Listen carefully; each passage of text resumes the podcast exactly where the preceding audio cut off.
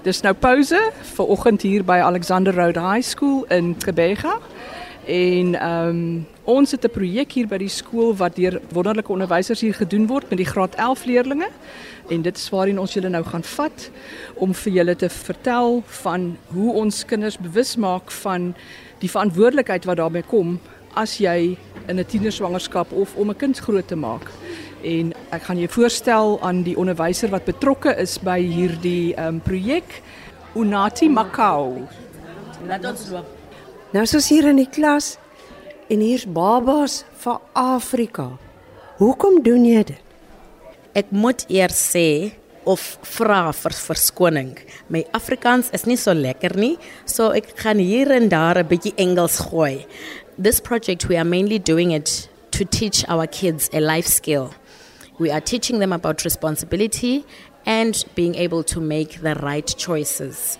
They need to realize that in the world we live in, where teenage pregnancy is so rife, they need to realize the mammoth task that comes with having a child. Baie baie dankie. Ek weet nie of Snowflake die babas geborg het nie of Seska of White Star. Maar dit is 'n meelsakkie met 'n baba se kop en hier is 'n afbeen. Maar lyk my 'n paar babas het les opgesê. Hoekom is dit spesifieke meelsakkie en dan die kop en arms? Is 'n meelsakkie want ons gebruik the weight of the meelsakkie want as 'n baba gebore is, dan is dit the birth weight. So they carry around this weight everywhere they go to on campus and outside of campus so that they can actually feel what it feels like to carry a baby on a full-time basis. Nati Makau, onderwyseres hier by die Hoërskool Alexander Road High in Kebega, Port Elizabeth.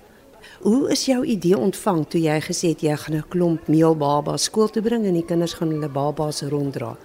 En moes hulle dit ook huis toe vat? Ja, mevrou, hulle moes die babas huis toe vat.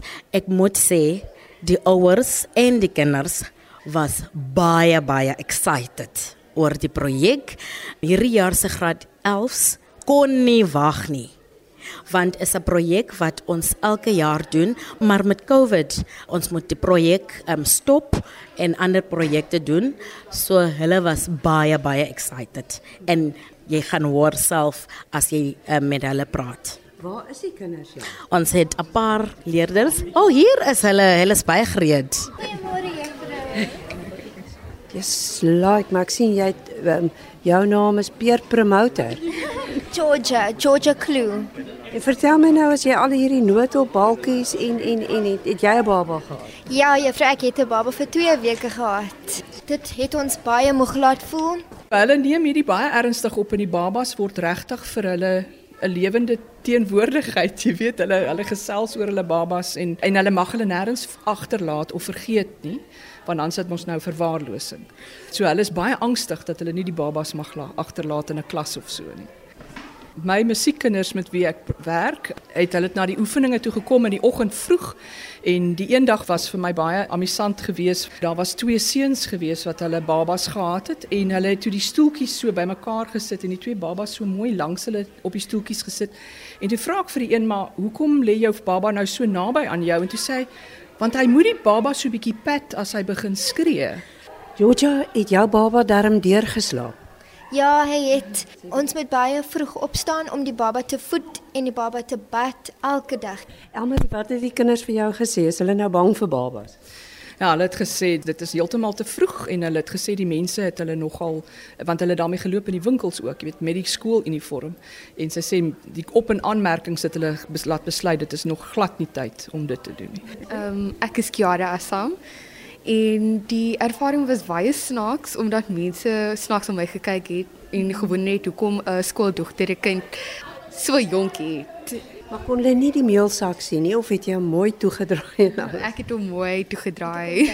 ja, om hom warm te hou. Dit is nie maklik nie om simpel goed te doen soos 'n uh, pen te kry uit jou pennesakkie of notas af te vat was baie moeilik met 'n baba voor jou. So ja, dit was baie interessant om te sien hoe maans dit moet doen elke dag. Het jy toe met jou ma gepraat oor haar harde werk met jou? Ja, sy het my eintlik op 'n uh, jonger ouderdom gehad. So ek verstaan wat sy deur gegaan het. Ek voel hulle het die boodskap gekry. Ons het so 'n realistiese projek gehad. Ons het binnelande sake in my klasroom gehad. Die babas moes geregistreer word en um, hulle moet kom vir hulle inspuitings. So dit was baie baie realisties vir die kinders. Ons het die projekte oor 2 weke gehad. Einde van die eerste week meer van hulle was baie moeg. Nee, juffrou, ek kan nie dit meer doen nie. Ek dink nie ek ek dink nie ek gaan 'n goeie ma wees nie. Nie nou nie. Ek gaan 'n goeie ma wees. So vir my die boodskap was regtig oorgebring. Elmarie van der Vyver, jy is die musiekjuffrou hier by die skool, maar jy het die kinders afgeluister en ek het gehoor 'n pa het 'n bietjie gedros van sy verpligtinge. Ja, een van die ehm um, seuns wat ek nooit met 'n baba gesien het, toe sê ek vir hom, "Maar waar is jou kind?" Toe sê hy, "Ag nee, wat? Hy het besluit dat hy sy partner betaal om die aan te gaan met die baba. Hy het nie kans gesien vir die storie nie."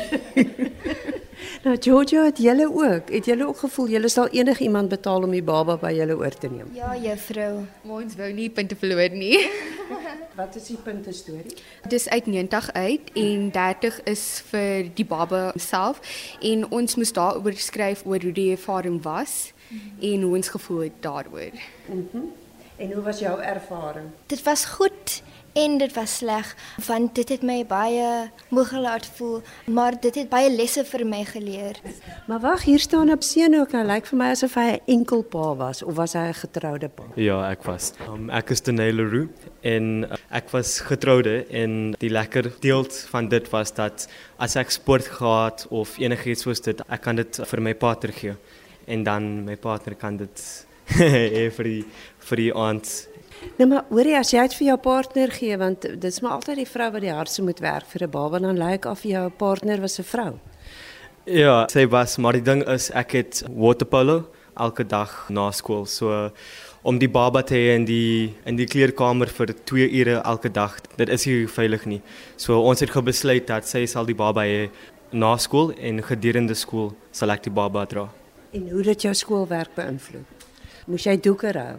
Ja, dit was so twee keer 'n dag het ek doeke geruil en ehm um, was nie lekker nie, maar at least there wasn't uh you know number 2s in there.